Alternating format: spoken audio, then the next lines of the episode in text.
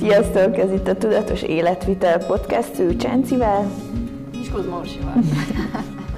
Reméljük, hogy a technikai része az folyamatosan egyre jobb és jobb lesz, de azért azt is, hogy az előző, sőt az első podcastünket azért élveztétek.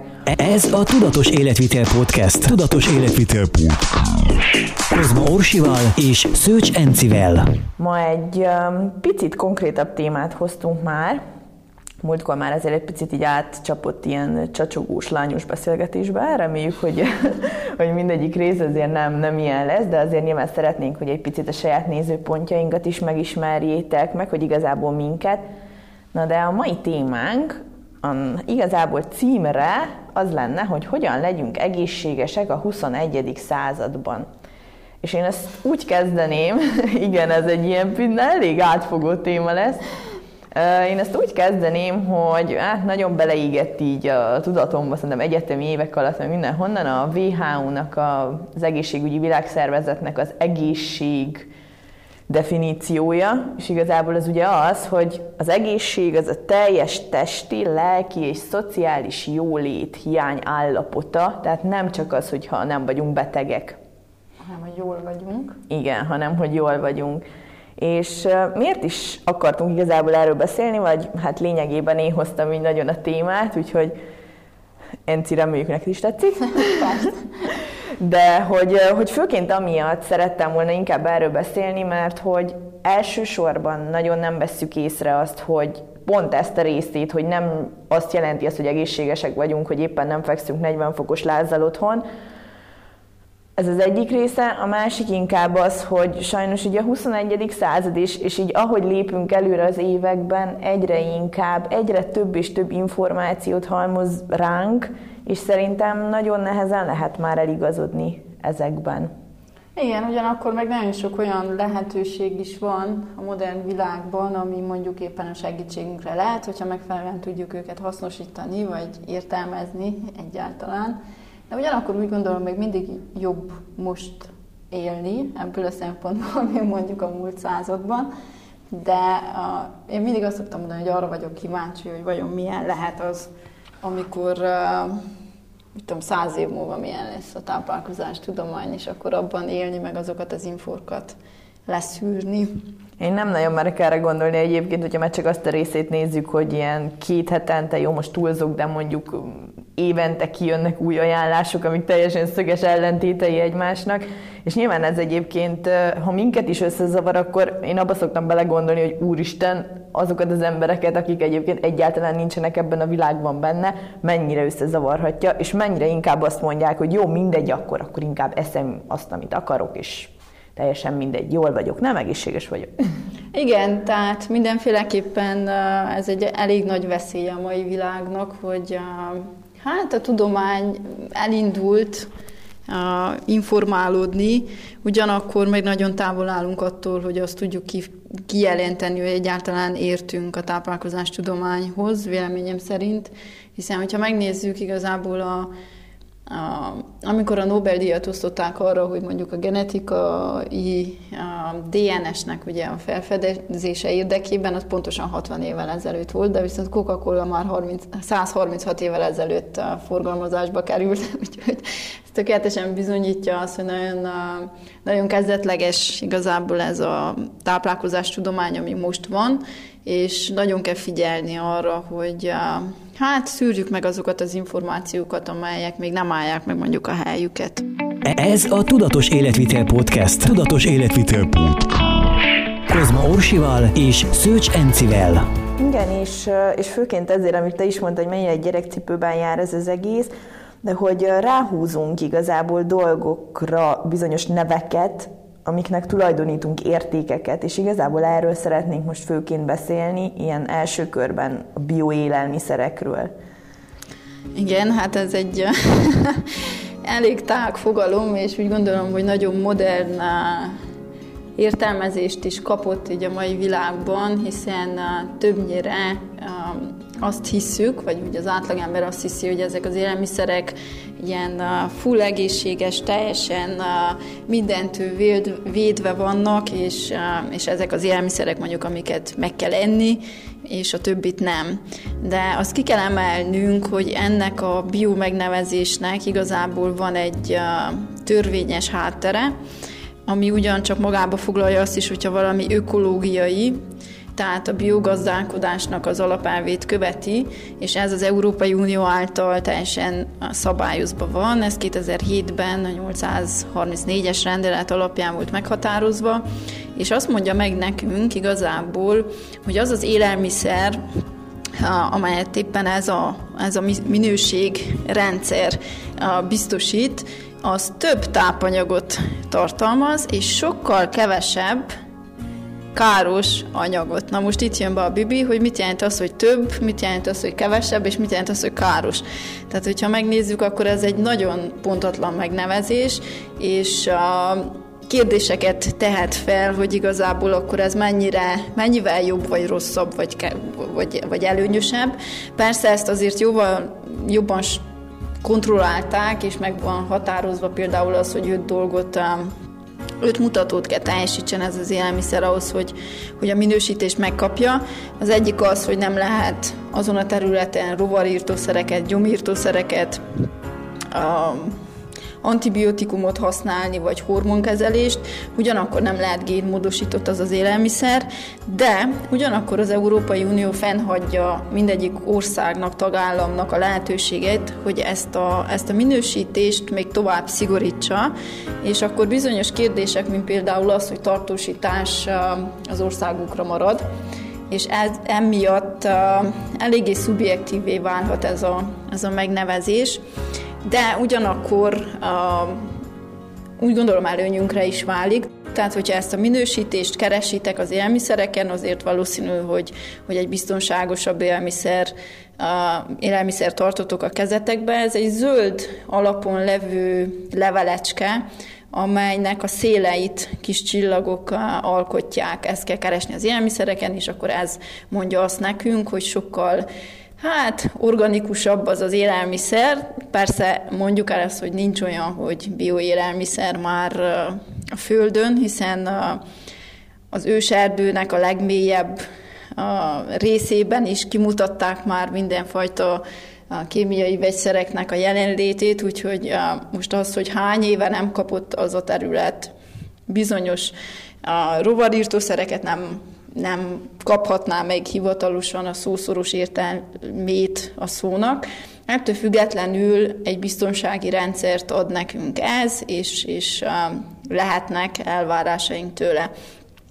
Ugyanakkor azt is mondjuk el, hogy mindegyik országnak, most nem tudom, hogy ezt mennyire tanácsolta, vagy lett kötelező az Európai Unió által, hogy a tagállamok hozzanak létre olyan rendszereket, ahol a minőség rendszereket fogják ők besorolni, mert ugye az történik, hogy ezek a minőség a beosztások nagyon-nagyon elszaporodtak az utóbbi évben, mert rájöttek a termelők és a, és a termékeket előállító cégek, hogyha bizonyos kis pecsétek vannak az élelmiszer címkéjén, akkor sokkal nagyobb magabiztossággal fogjuk azokat az élelmiszereket megvásárolni, és akkor mindenféle ilyen biztosítási rendszereket hoztak létre, akár állami szinten, vagy akár privát szféra is, és ettől egy picit azért, hát a, mondjuk úgy, hogy a lakosságnak a bizalma megromlott,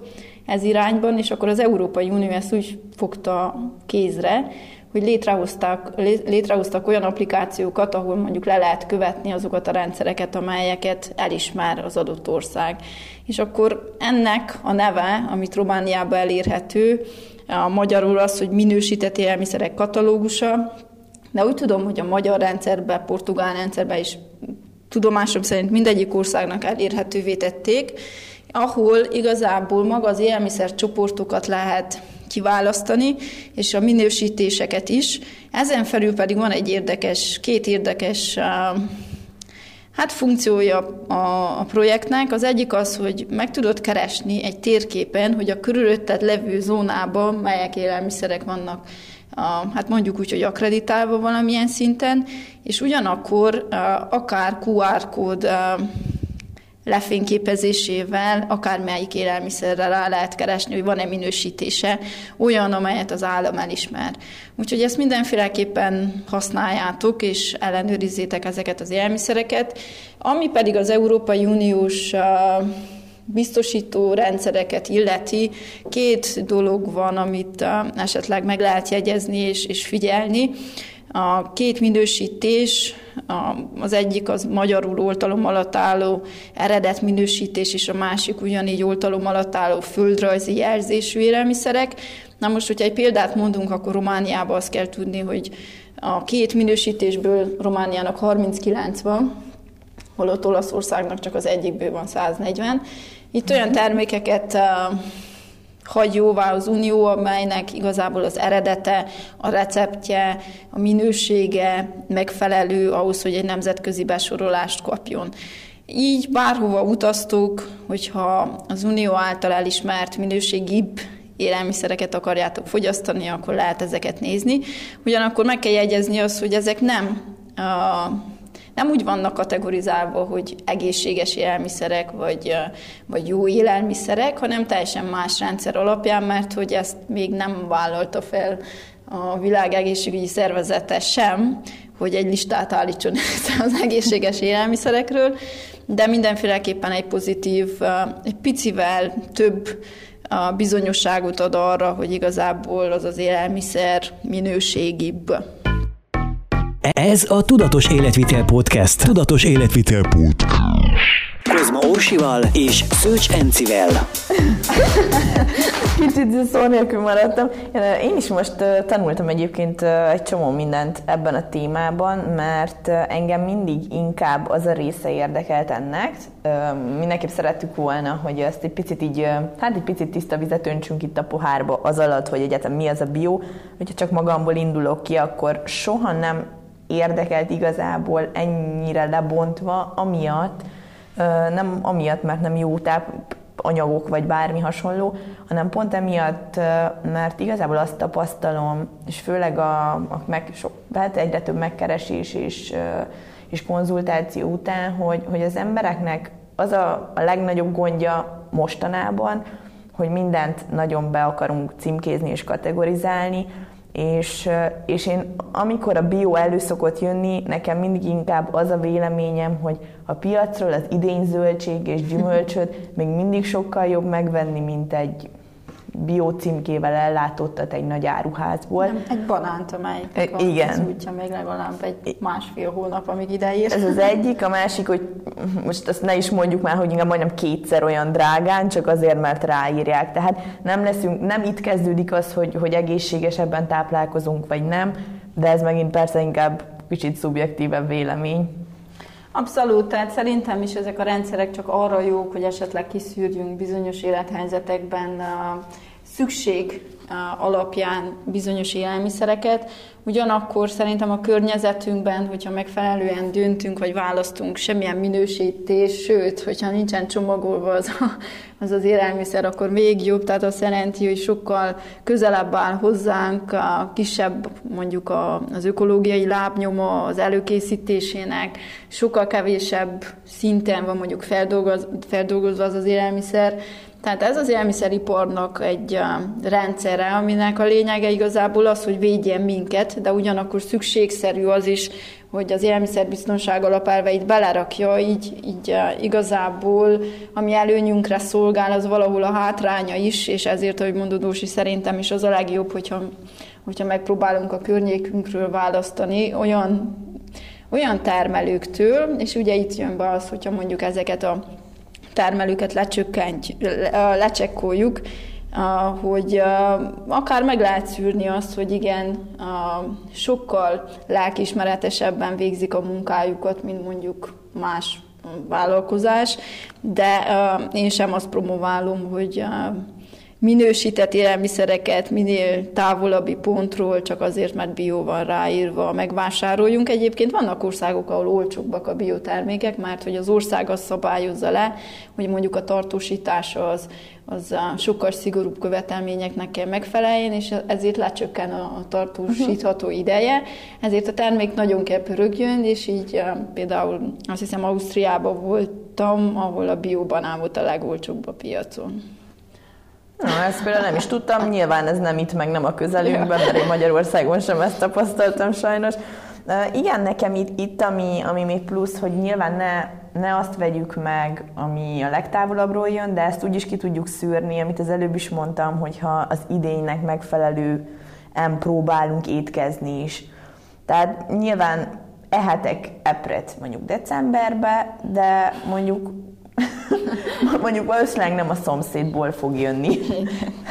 Szerintem ezt, ezt a részt itt ki is vesézhettük, vagy ezt, ezt itt be is zárhatjuk. Következő ilyen, hát igazából kategorizálás, amiről így én beszélnék, az, az nekem nagyon inkább ez a mindenmentes étkezések, és ezen belül is, ami most nagyon divatos lett, ez az intuitív étkezés. Nem tudom, hogy erről mennyire hallottál, vagy, vagy van így meg, vagy nincs. Hát igazából megvan, hogy miről szól, de ugyan úgy vagyok ezekkel a, az új trendekkel, trendekkel, lehet az bármilyen fajta új diéta, és sokszor jönnek itt a, a, a résztvevők a programunkban, és mondják, hogy hallottál erről, meg arról, én meg csak mondom, hogy nem. Tehát minden, ami ilyen abszolút Igen, ezzel én is így szoktam Tehát, hogy egyszerűen annyira nem érdekelnek, ma annyira bizonytalan vagyok velük, hogy uh, hogy igazából nem is olvasok utána. Tehát egy, egy ideig érdekeltek, mindegyiket kategorizáltam, figyeltem, elemeztem, stb. De egyszerűen rájöttem arra, hogy ezek még annyira új és annyira bizonytalan dolgok, hogy sem értelme vele szerintem foglalkozni, és sokkal jobb visszatérni az alap emberi, és uh, uh, mondjam úgy, hogy azokra az alapokra, amelyekről az első podcastban is beszéltünk, hogy semmi újat nem kell feltaláljunk, ezek meg mind valószínű valami olyan rendszereknek a megvalósításai, ami nem feltétlenül fogja hosszú távon az egészségünket szolgálni, úgyhogy mondd el! Köszönjük a hosszas bevezetőt! Ez a Tudatos Életvitel Podcast. Tudatos Életvitel Podcast. Kozma Orsival és Szőcs Encivel. Én igazából úgy szeretném ezt most bevezetni, nem azért, mert ez jó vagy rossz, és ez úgy új trend, hogy nem új trend, tehát uh, itt igazából az intuitív eating kifejezésből jön ez, a, ez az egész, uh, hát nézőpont, vagy nézet, és ez a, összefoglalva azt hirdeti, hogy el kell utasítanunk a fogyókúrákat, a diétákat, és vissza kell térnünk az ösztöneinkhez, és hogy újra meg kell hallgatnunk, vagy meg kell tanulnunk azt, hogy, hogy hogyan figyeljünk a saját testünkre, ami egyébként ez így elmondva Szépen csodaszép volt. Teljes mértékben elítéli a diéta kultúrát, ami ugye kialakult. Na most itt megint uh, itt inkább az a, a saját nézőpontom szerint a probléma, egyébként ez egy iszonyat jó dolog lenne, ha ez így működne, és hogyha nem a 21. században élnénk, és a boltok polcain nem az ultrafeldolgozott élelmiszerek lennének mindenhol, és hogyha az ösztöneink azt sugalnák, hogy hogy igenis nem baj az, hogyha én néha megkívánom a brokkolit, tehát hogy ez, mert, mert itt megint csak az jön vissza, hogy elkezdünk kategorizálni, és, és inkább megvesszük a zéró kalóriás élelmiszereket, meg a glutén és laktóz és, és mindenmentes ételeket, mert, mert az biztos jobb nekünk. Tehát, hogy amíg nem tudunk úgy visszatérni az ösztöneinket, mert lehet, hogy egyébként nincsenek, vagy nagyon, mély, nagyon mélyen vannak, nyilván most ezt nem teljesen szó szerint értem, de szerintem értheted egyébként, tehát az, hogy most intuitív módon táplálkozzunk, az azt, jelene, azt jelenteni, hogy kellene ismerjük azokat a régi belső a érzéseket, vagy tudatosságunk legyen, amire már totál nem emlékezhetünk, mivel hogy a táplálkozásunk a modern világban teljesen nem erről szól, úgyhogy...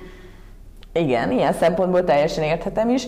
Hát értem is, mert, mert nekem itt megint csak, hogyha nagyon vissza, hát igazából vissza is szeretnék térni így erre, hogy egy picit így ezekre a mindenmentes ételekre térjünk, mert még most is nagyon sokszor hallom azt, vagy kérdezik azt, hogy, hogy akkor édesítőszereset vehetnek, cukormenteset, és akkor abból, abból megehetnek, tudom én, két tál sütit, tál csak azért, mert mindenmentes, és és sajnos hallottam is már kimondottan tényleg emberek fele irányuló kommunikációt, ami, ami ezt mondja, és csak azért, mert ez, ez az új biznisz, és, és rengeteg pénz jön belőle, hogy mondjuk egy cukrászdát azt szerint hirdessünk, hogy minden mentesek vagyunk, és nálunk bűntudat nélkül lehet étkezni.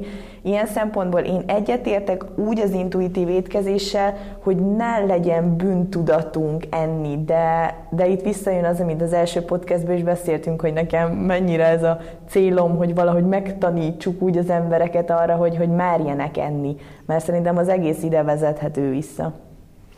Abszolút, meg amúgy így, ahogy nagyon sokszor kimondtad ezt a szót, hogy mindenmentes, eszembe jutott az egyik tanárom az egyetemen, amikor úgy elmagyarázta nekünk, hogy ő nem érti, hogy miért akarja megvenni valaki a tejet, úgyhogy ne legyen benne tájfehérje, mikor az a táj. És ezért az az illető még képes több pénzt kiadni, úgy, hogy az az élelmiszer még sokkal több a fázison, feldolgozói fázison kell keresztül menjen, tehát kevesebb tápanyag van benne, holott valószínű, hogy kalóriatartalom vagy összetevő szempontjából még rosszabb. Tehát, hogy több pénzt adunk ki valamire, amit nem akarunk megenni, azért, hogy hasonlítson valamire, ami nem az, mint amit megveszünk. Tehát, hogy igen, és, és ezt most, ahogy így elmondod, biztos, a, a, akik hallgatják, azt mondják, hogy hát persze, hát ez így van, de azért a polcról még úgy is, úgy is azt fogja levenni, mert, mert az a, a jobb, amit a médiából közvetítenek.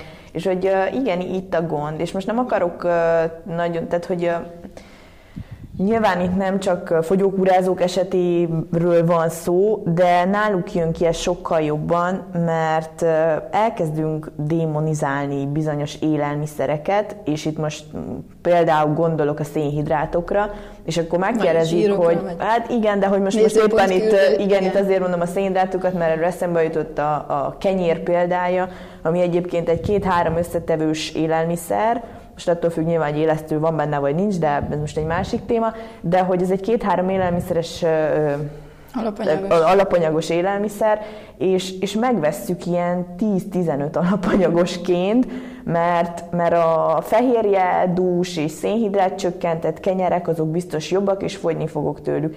Nem, nem fogunk, főleg azért nem, mert attól, hogy szénhidrát csökkentett, mondjuk nem lesz kalóriament, vagy kalória csökkentett. Tehát, hogy megint csak nem jutunk el ugyanarra a részre, és hogy innen csak az jutott eszembe, hogy, hogy ez is ilyen fogyókúrázós megkeresés, hogy amikor, és ez megint csak itt a, onnan jön ki, hogy média és, és, hogy, és hogy mennyire mindent ki akarunk vonni, és meg akarunk vonni magunktól, amikor, amikor ilyeneket szoktam kapni egy-egy étrend után, étrend összeállítás után, vagy konzultáció után, hogy de hát ez nagyon sok kalória, hát ezzel nem fog úgy fogyni, vagy hogy, tehát hogy, és, és mindig már szoktam mondani, hogy akkor nem én vagyok az embered, mert, mert nekem nem az a célom, hogy éhezzem valaki, vagy hogy még inkább úgymond étkezési Leg, igen, tehát hogy egyébként összezavarjuk ezt megint nála teljesen, ami egyébként is össze van zavarva, és mondjuk a laborértékei már borzalmasak, de, de neki írjak azért 1200-as, 1200 kalóriás étrendet, mert, mert ő azt olvasta, hogy az jó, és azzal fog fogyni. És igen, valószínűleg le fog fogyni két hét alatt 10 kilót, de, de ebben szerintem... Nem, nem igen. fog lefogyni, tehát hogy itt két dolog is van, ami nekem így beugrott. Az egyik az, hogy a minden mentes élelmiszereknek nagyon sok esetben mondjuk, hogy a szénhidrátról beszéltünk, le van csökkentve a tartalma, ami meg tápanyaghiányhoz vezet, tehát egyszerűen kimarad egy csomó olyan dolog belőle, amire szüksége van a szervezetnek, és valószínű eddig is kevés ment be, mert a probléma általában az, hogy nem viszünk be annyit abból, ami kell, nem az, hogy valamit beviszünk pluszba. Szerintem a másik dolog pedig a kalória csökkentés, én abszolút nem értek ezzel egyet. Tehát minden olyan szituációban, amikor szerintem túl nagy a kalória deficit, akkor az embernek a szervezete egyre jobban fog ragaszkodni a zsírhoz, azért, hogy a ketózisból energiát nyerjen. Tehát a nagy kalóriadeficittől szerintem lehet fogyni, viszont abszolút nem egészséges, mert hogy a metabolikus rátáját az illetőnek le fogja csökkenteni. Tehát ez a jó-jó effektus.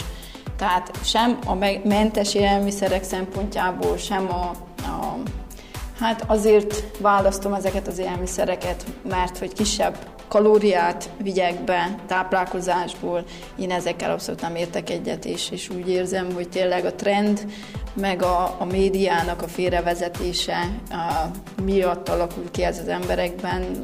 Úgy gondolom, hogy nagyon sok munkánk lesz a jövőben ennek köszönhetően, de egyébként szerintem ezeket el kell kerülni, vagy nem szabad ezekre így gondolni, mert abszolút nem, Hát nem egészséges hosszú ja, távon. Ha, ha mindegyik ilyen pontról le akarunk vonni egy következtetést, akkor itt is ugyanaz a következtetés, hogy merjük megenni azt az ételt, mert, mert csak azzal fogunk lefogyni, és csak azzal leszünk egész, úgymond egészségesebbek, hogyha megadjuk a testünknek azt, amire szüksége van. Ez a Tudatos Életvitel Podcast. Tudatos Életvitel Podcast.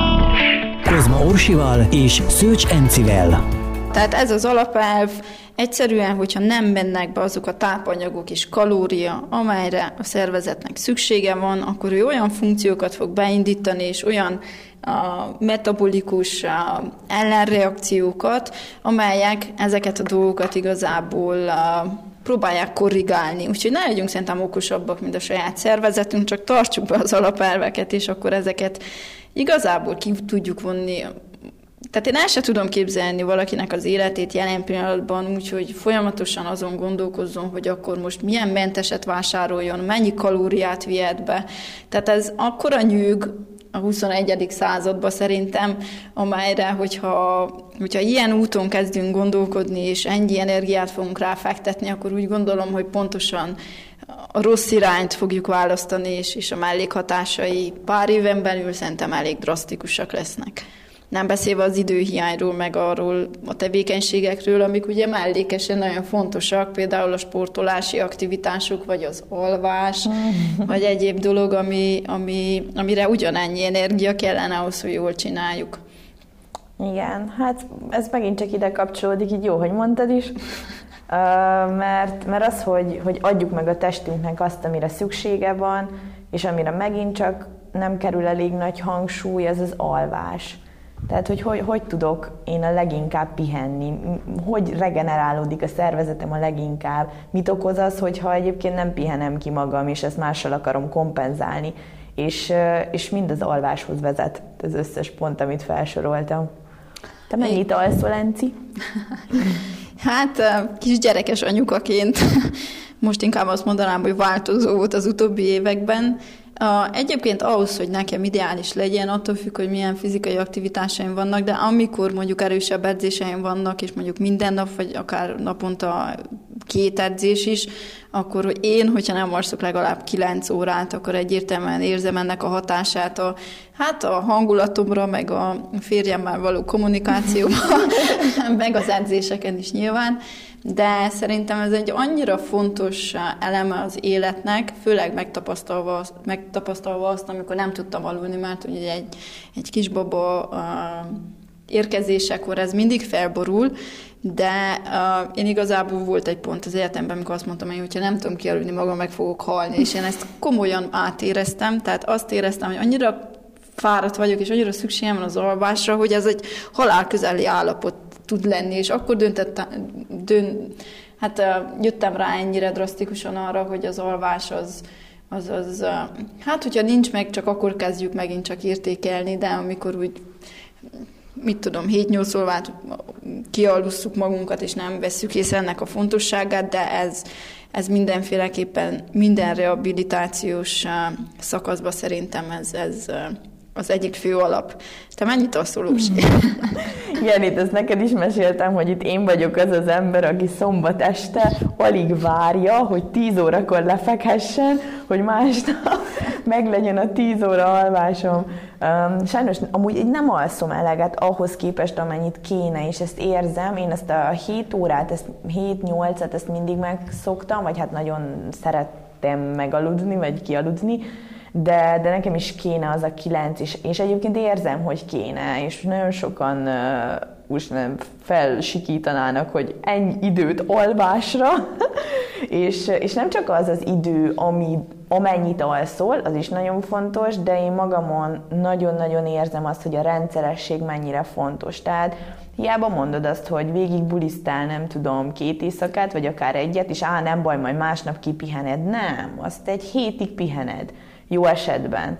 Tehát mindenféle alvás megvonásnak, ami, ami nem is akkor, tehát nem, nem akkor fogod érezni a hatását. Persze kicsit álmos vagy, de a hosszú távú hatása az az, ami, ami tényleg számít, és, és persze ennek most annyira nem, nem örül az, aki mondjuk nagyon szeret Netflixezni, és este leülni a sorozat elé, de jobb néha kikapcsolni és elmenni aludni inkább. Tehát, hogy itt a, itt a prioritás, itt ez nagyon fontos, és, és erről nagyon kevesen beszélnek, tehát, hogy így kimondottan alvásról. Nálam ez, ez így egyébként ilyen, az anamnézis labban is, amit ki szoktam töltetni, így az újabb vendégekkel, mindig benne, és mindig szerepel is a nyomonkövetésnél is mindenkinél, meg rákérdezek, hogy sikerült-e aludnia, mennyit aludt, és soha nem értik, hogy ezt miért kérdezem. Pedig ez ugyanúgy a fogyáshoz, ugyanúgy, hát a teljes naphoz hozzátartozik. Abszolút, de egyébként ennek nagyon durva tudományos háttere van, és hogyha valakit jobban érdekel a téma, vagy akár egy külön podcaston uh-huh. bele is mehetünk, ez akár a gyerekek szintjén is nagyon érdekes téma lehet, sportolók szempontjából is, de úgy gondolom, hogy a, a mai átlagembernek ebben a nagyon gyors és túlfűtött világában tényleg nincs elégszer, és eléggé elmagyarázva az, hogy az idegrendszerre ennek milyen hatása van, főleg a kimaradásának, és uh, mi is már évek óta követjük azokat, akik velünk dolgoznak, és, uh, és nagyon durva összefüggéseket lehet levonni sportolók szintjén egyértelműen, de uh, akár a sérülésekhez is abszolút visszavezethető, vagy a kimerültség, kifáradás, akár a szívizomnak az elfáradása, ezek mind a vízháztartásnak a működése, ezek mind visszavezethetődnek a, a, az alvásra. A kérdés az, hogy neked egyénileg mennyire érzékeny a szervezeted erre. Amúgy én mondtam, hogy tényleg nagyon érzékeny vagyok. Én tehát, is. Hogy, hogy mondjuk ez kell egy tudatosság, megfigyel, megfigyelés, hogy hogyan reagál a szervezeted. Én arra motiválok mindenkit, hogy hogy figyelje meg, és próbálja meg kicsillabizálni, hogy mennyi az, ami neki az ideális, és lehet, hogy tényleg a hangulatában elég durva változásokat fog észrevenni, vagy akár a sportolási aktivitásához már csak sokkal könnyebb lesz lemenni az edzőterembe, vagy, vagy, vagy, vagy bármit végezni, mert hogy jobb lesz a kedved hozzá. Hát, vagy csak ilyen nagyon apró dologra, hogy arra sem nagyon, azt sem nagyon szokták összekötni ezzel, hogy a, az alvás megvonás az egyébként ugye farkas éjséget okoz. Tehát, hogy azért van az, hogy másnap sokkal jobban kívánom a szénhidrátot, sokkal jobban kívánom az édességet, igen, ez is ide, ugyanide kötődik. Abszolút, tehát itt az alvás alatt azért a szervezetünkben a folyamatok megtörténnek, és ahhoz, a, ahhoz is energia kell, de jóval kevesebb ez az energia, mint akkor, mikor ébren vagyunk. Tehát már a látáshoz szükséges, vagy a nézéshez, vagy a, a képeknek a feldolgozásához, vagy a hangoknak a feldolgozásához a szervezetünk nagyon sok kalóriát éget. Tehát egy átbulizott éjszaka után azért nem nem csoda, hogy, hogy valaki farkasélyesen kell fel, mert hogy sokkal több energiát veszített az éjszaka során, mint ami, mint ami átlagos neki, és akkor a szervezete azt érzi, hogy valami baj van, ő ezt le kell reagálja, és valószínű még éhesebb lesz, mint amennyire szükséged van. Úgyhogy ennek az alvásnak nem csak pihentető értelme van, hanem valahol a, a kalóriának a, és az energiaháztartásnak ugye alapvetően fontossága benne. Vegyünk engem példának, én koncertekre szeretek járni, mert utána haza lehet menni aludni. Igazán 24 évesnek. Igen, pont, hogy hangzott. Pont, hogy Na, nekem az a kérdésem még így hozzád, ehhez visszamenőleg, hogy így a hallgatóknak is adjunk valami mankót, mert már annyi mindent szittunk és kifejtettünk, hogy te hogy képzeled el, vagy neked milyen egy, egy olyan napod, ami, amit te így kvázi egészséges napnak tekinted. Itt most uh, nyilván zárójelbe bejön az, hogy, hogy lehetnek stresszesebb időszakaid, események, alkalmak, akár betegségek, tehát nyilván bármi, de most nem ezekről akarunk, hanem egy ilyen nagyon általános, amilyen általában ilyen rendszerszerű szokott lenni neked a napod. Um, hát nekem alapjáratban van problémám az egészség megnevezéssel, vagy egészséges megnevezéssel. Szerintem ez egy olyan dolog, ami nem megfogható és nem kijelenthető. Viszont az, amit én eddig tapasztalatból magamnak ugye látok, vagy egy ideális napnak mondható, az körülbelül úgy néz ki, hogy mondjuk a, hát olyan 7, fél 8 fele a ébredés, persze vannak a, az óvodás tevékenységek, gyerek, gyerek előkészítés, újbavívés, stb. És akkor utána pedig mindenféleképpen egy ilyen napindító tevékenység, ami lehet mondjuk akár egy meditáció, egy kis nyújtással összeegyeztetve, most mondanám, hogy naplóírás, de itt igazából a napra való felkészülésre, feladatoknak a ki pipálása és a másik nap, a múlt napnak a, a, a kielemzése. A, és akkor utána meló, ami nekem most jelen pillanatban egy otthoni tevékenységet jelent. Aztán pár órára rá, annak függvényében, hogy aznap milyen kötelességeim vannak fizikai aktivitás terén, akkor egy edzés, ez általában, hogyha ilyen délelőtti, akkor vagy a mászó specifikus edzés, vagy pedig kardiovaszkuláris, vagy futás, bicikli, attól függ, hogy milyen hőmérséklet van kint, vagy akár bent. És hát az ebéd után igazából olvasás egy kis idő, majd utána általában délután dolgozunk itt bent a teremben, és még egy edzés, hogyha éppen olyan napom van, vagy ha nem, akkor pedig általában saját magamnak csinálok otthon vagy edzéseket, vagy mászóedzés, vagy, vagy annak függvényében, hogy érzem magam, mert azért az utóbbi időben elég ritka volt az, amikor napi két edzést heteken keresztül belát, vagy nem is napi kettő, de hogy egy héten van olyan, hogy mit tudom, egy nap több edzésed van, mit tudom, három nap van olyan, hogy kétszer mozgok, két, kétszer mozgok, akkor azt már azt érzem, hogy egy kicsit úgy sok, tehát, hogy egy picit ki vagyok esve abból a formából, amit mondjuk te képviselsz jelen pillanatban, tehát nekem az már túl terhelőnek számít, hogyha mondjuk minden nap van a, akár két mozgás lehet, az, az akár egy nyújtás is, vagy bármi de este pedig sokszor végzem későn, ami azt jelenti, hogy akár 10 óra környékén, vagy 9 óra után érek haza, ami pedig hát minimális vacsorát jelent, de van, amikor nem úgy jön össze, és akkor mit tudom, hogy akár pizza, nem kell félni ettől a szótól, attól függ, hogy hogy van elkészítve, és mi van rajta, és mennyit eszel belőle. De minél hamarabb lefeküdni, hogyha van idő, akkor nagyon szeretek este olvasni, és hát indul a nap előről. Hát nem unatkoztál. nem szoktam mostanában, és hogyha egy négy évvel ezelőtti programot kéne leírjam, akkor teljesen más lenne. De ez így a szép egyébként, mert, mert ebben nem lehet belefásulni. Bádi, mindig más csinálsz. Hát igen, de ugyanakkor az életnek szerintem vannak fázisai, amelynek meg kell felelni, tehát én nem vagyok egy ilyen eltökült anyuka, aki, aki teljesen mindent félretesz azért, hogy én edzek, hanem folyamatosan figyelem a szervezetemet, hogyan alakul, hogyan szok hozzá az új helyzetekhez, és, és egyfolytában képes vagyok arra, hogy alkalmazkodjak hozzá, tehát nincsen dákismert hudalásom, hogyha ma fáradtnak érzem magam, és nem csinálom meg az edzésemet. Ez a Tudatos Életvitel Podcast. Tudatos Életvitel Podcast. Kozma Orsival és Szőcs Encivel.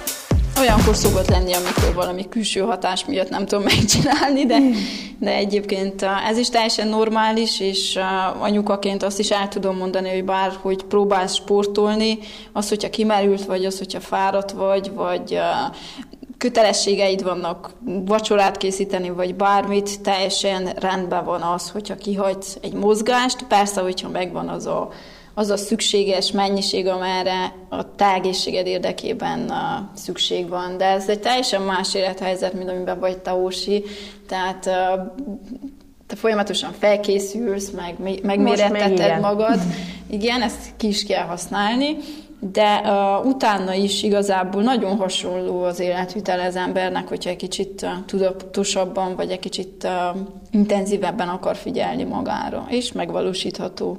Még akkor is, hogyha nem annyira pontosan, és nem annyira szabály uh, betartóan, de ez teljesen uh, életképes szerintem, gyerekek mellett is.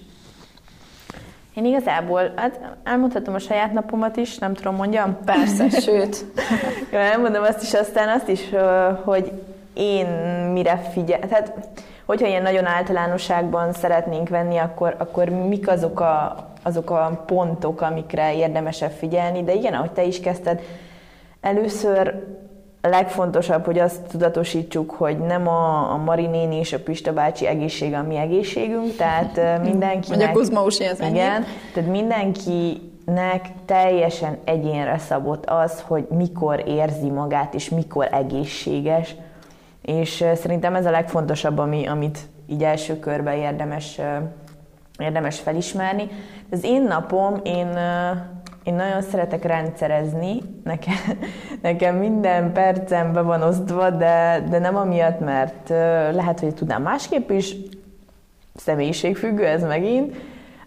Én általában ilyen 6 fél hétkor kelek, vasárnap kivételével minden nap, mert megyek edzést tartani, majd edzésem van. Útközben én nagyon szeretek podcasteket hallgatni, de azt még el szerettem volna mondani, mert az szerintem is egy nagyon fontos része a dolognak, hogy, hogy én reggel szeretek ilyen én időt tartani, tehát én, fel, én azért kelek föl hamarabb is, mert nekem szükségem van egy fél óra, 40 percre, amíg én megeszem a kis reggelimet, utána megiszok a kávémat, hogyha megiszom, de ezt mindenképp szeretném zárójában hozzátenni, hogy a reggeli után, ez, ez egy másik téma is lesz majd szerintem, de hogy ez mennyire fontos, hogy ne így gyomorra, Közben végignyomkodom az összes hírt és Facebookot és Instagramot és mindent, ami, amire egyébként utána nem biztos, hogy időm lesz. Elolvasok egy-két cikket, bármi, ami ebben még belefér, de ez az az idő, amikor, amikor én felébredek, és, és amivel így elindul a napom. Az tény, hogy nem ilyenkor tervezem meg a napomat, mert nekem az már előtte lévő este biztosan megvan, hogy mit és hogy és melyik órában fogok csinálni, de nagy részt ez így néz ki.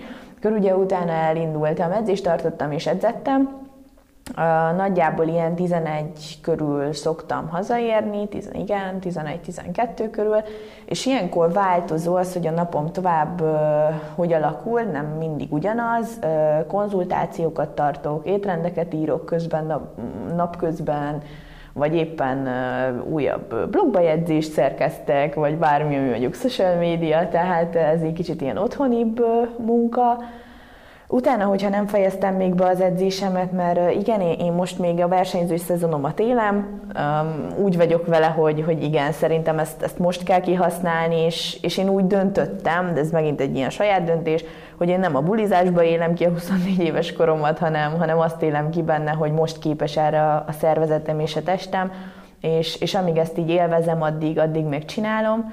Úgyhogy most készülök egy pár versenyre, azért így nekem mindig, mindig komolyabb, de, de most azért még komolyabb a maga így az edzéstervem, tehát ha valamit nem fejezek be délelőtt, én szeretem ketté osztani, nem mindent egyszerre letudni, hogy ilyenkor van, hogy délután befejezem, utána megint órákat tartok, vagy online, vagy, vagy személyesen, szerencsére ez az online. Szerintem egyébként így a Covid-nak ez egy jó, jó hatása is az, hogy az emberek mernek online térben is lenni, és, és hát olyan embereket ismeretek meg, akiket egyébként soha. Tehát, hogy úgy tartok Genfben élő lánynak órát, vagy tehát úgy beszélgetek egy Pennsylvániában élő vendégemmel, ahogy, ahogy szerintem Covid előtt nem, nem tettem volna, vagy, vagy amire egyébként nem lett volna lehetőség. És hát én is végzek, én kicsit később, amit szerintem egy picit később van, de nem 10 körül, ahogy, ahogy te, Enci, de, de nekem már az, amikor én 8-9 körül, az már vacsora szempontból egy kicsit így beszokott zavarni, mert hogy, mert hogy én azt is nagyon fontosnak tartanám. Nyilván ezt most megint élethelyzet válogatja, mert, mert eddig sikerült, most nem vagyok olyan helyzetben, hogy, hogy tudjak vacsorázni mondjuk 6-7 körül mindig, de amikor van rá lehetőség, akkor, akkor ezt próbálom, mert, mert nagyon érzem regeneráció szempontból, meg alvás minőség szempontból is, hogy mennyit, mennyit számít az, hogy, hogy mikor és mennyit eszel este. Ez a Tudatos Életvitel Podcast. Tudatos Életvitel Podcast. Kozma Orsival és Szőcs Encivel. Tessék, úgyhogy,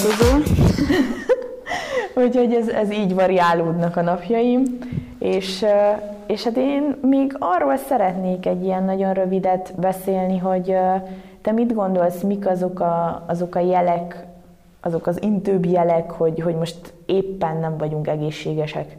Itt most olyanokra gondolok, most csak példának mondom, hogy tud, hogy éppen mire szeretnék kitérni, hogy nehezen ébredek, fáradt vagy már reggel, inkább ezekre a pontokra. Te mit gondolsz ezekről? Hú, hát ez egy elég komoly téma, ugyanúgy, ami megint csak elég komolyan körbejárhatnánk egy következő podcastnél.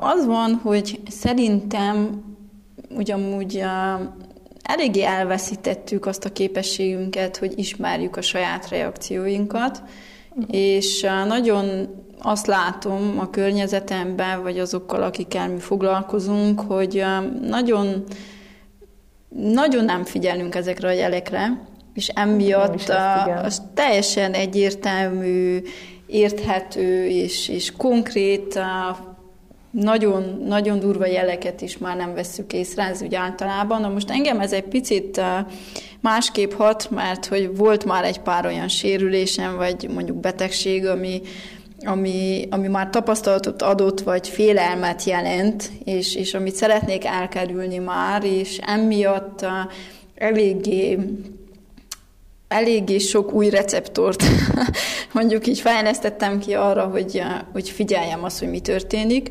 Egyértelműen a közérzet szerintem az, ami a, a legjobban meghatározza ezt. Ez lehet egy fizikai sérülésnek a következménye vagy előzménye, de lehet igazából egy, egy, egy kimerültségnek, vagy egy stresszes periódusnak a mellékhatása, és igazából bármi is történt, vagy, vagy éppen előzetesben van, annak nagyon komolyan kellene venni a jeleit. Hát ez a reggeli fáradtság, hogy hogyan ébredek, ez most azért annyira nem reális, mert hogy uh, ugye az alvás minőségem az utóbbi pár évben egy picit uh, rosszabb volt, és uh, elég sokszor kell még este dolgoznom a különböző projekteken, a számítógép előtt, van, amikor mondjuk később fekszem le, és akkor egyértelmű, hogy mondjuk mitől van az az alvásnak a, a nem kielégítő mi voltja. Amúgy vagyok én egy olyan nagyon reggeli ember, és ez nekem egy kicsit olyan 11-12 körül, amikor már egy adag munka lefolyt, akkor kezd kikristályosodni. De egyébként szerintem az izom a működése, meg az izületeknek az érzése az egy olyan dolog, ami, ami nekem elég, elég komoly visszajelzést tud adni. Tehát, hogyha bizonyos mozgások alatt úgy érzem, hogy nem úgy működik a testem, mint ahogy kellene, akkor egyértelműen azt általában ugye annak tudatosítom, hogy fáradt vagyok, vagy kimerült vagyok, vagy valami van, és akkor változtatok az edzésterven, vagy más típusú mozgást végzek. De ugyanakkor szerintem a lelki állapot is ugyanide vissza vezethető, ami lehet mondjuk csak egy kalóriadeficit miatt, de lehet egy hosszabb távú valami sokkal nagyobb probléma a háttérben. És ez szerintem nagyon komplex, és felkészülhetünk esetleg egy picit jobban arra, hogy hogy mindenképp... Uh, igen, kielemezhetjük így külön is a pontokat. Igen, abszolút. Hát ilyen minimális, uh, akár vércukori ingadozástól elkezdve fieldingek, uh, amiket lehet, hogy sokan nem is ismernek magukba, vagy nem ismernek fel, vagy akár feledékenység, vagy uh, kis megszédülések, vagy elfelejtett, hogy mit akartál, miért mentél be. Ezek mind olyan dolgok, amelyek ha nem is fizikailag jel, de a, lehet, hogy a fizikai hogyan létedre egy, egy felhívás. Igen, ez, ez így is van, és tényleg ez egy picit hosszabb téma, de ö, én ilyen nagyon apró dolgokra, hasonlókra, mint te gondoltam, mindent inkább a rendszerességhez kötnék. Tehát persze én sem ébredek minden reggel jól, de ha már valaki úgy ébred, hogy muszáj meginnia egy csésze kávét, mert egyébként Én nem. nem bír kikelni az ágyból, az már például egy, egy jel egyébként, ha evés után ránk től ez az iszonyat nagy álmosság, tehát az sem teljesen normális, tehát ugye evés után tehát energiát kéne kapnunk, tehát hogy nyernünk, tehát olyankor nem kajakóma állapotnak kéne beállnia normál esetben, vagy ha igen, ahogy mondtad, tehát, hogy egyébként nincs erőd mozogni, mert hogy egy séta után annyira elfáradsz, hogy az, hogy elmenj futni, vagy, vagy elmenj egy csoportos órára, vagy bármi, ahhoz aztán pláne nincs erőd, ha rendszeresen, tehát itt megint csak kulcs, hogy rendszeresen puffadunk mondjuk kimondottan élelmiszerektől, vagy már mindentől, tehát hogy már mindennél azt érezzük, hogy, hogy ö, abszolút nem esik jól, ha rendszertelen a székletünk, és erről megint csak nem beszélnek, vagy nem merünk beszélni, pedig nagyon fontos, az, hogy ez tényleg mennyire lesz rendszeres, vagy nem, és igen, az ilyen pici dolgok, hogy nem tudok koncentrálni, türelmetlen vagyok napokig, tehát hogy tényleg abszolút nem egy-egy napról van szó, mert mindennek van oka, de, de amikor már nem találjuk az okát, mert mondjuk aludtam 9 órát, úgy érzem, hogy egyébként ettem is eleget, és mégis, és, és hogy ilyenkor jön be az, hogy vajon miért.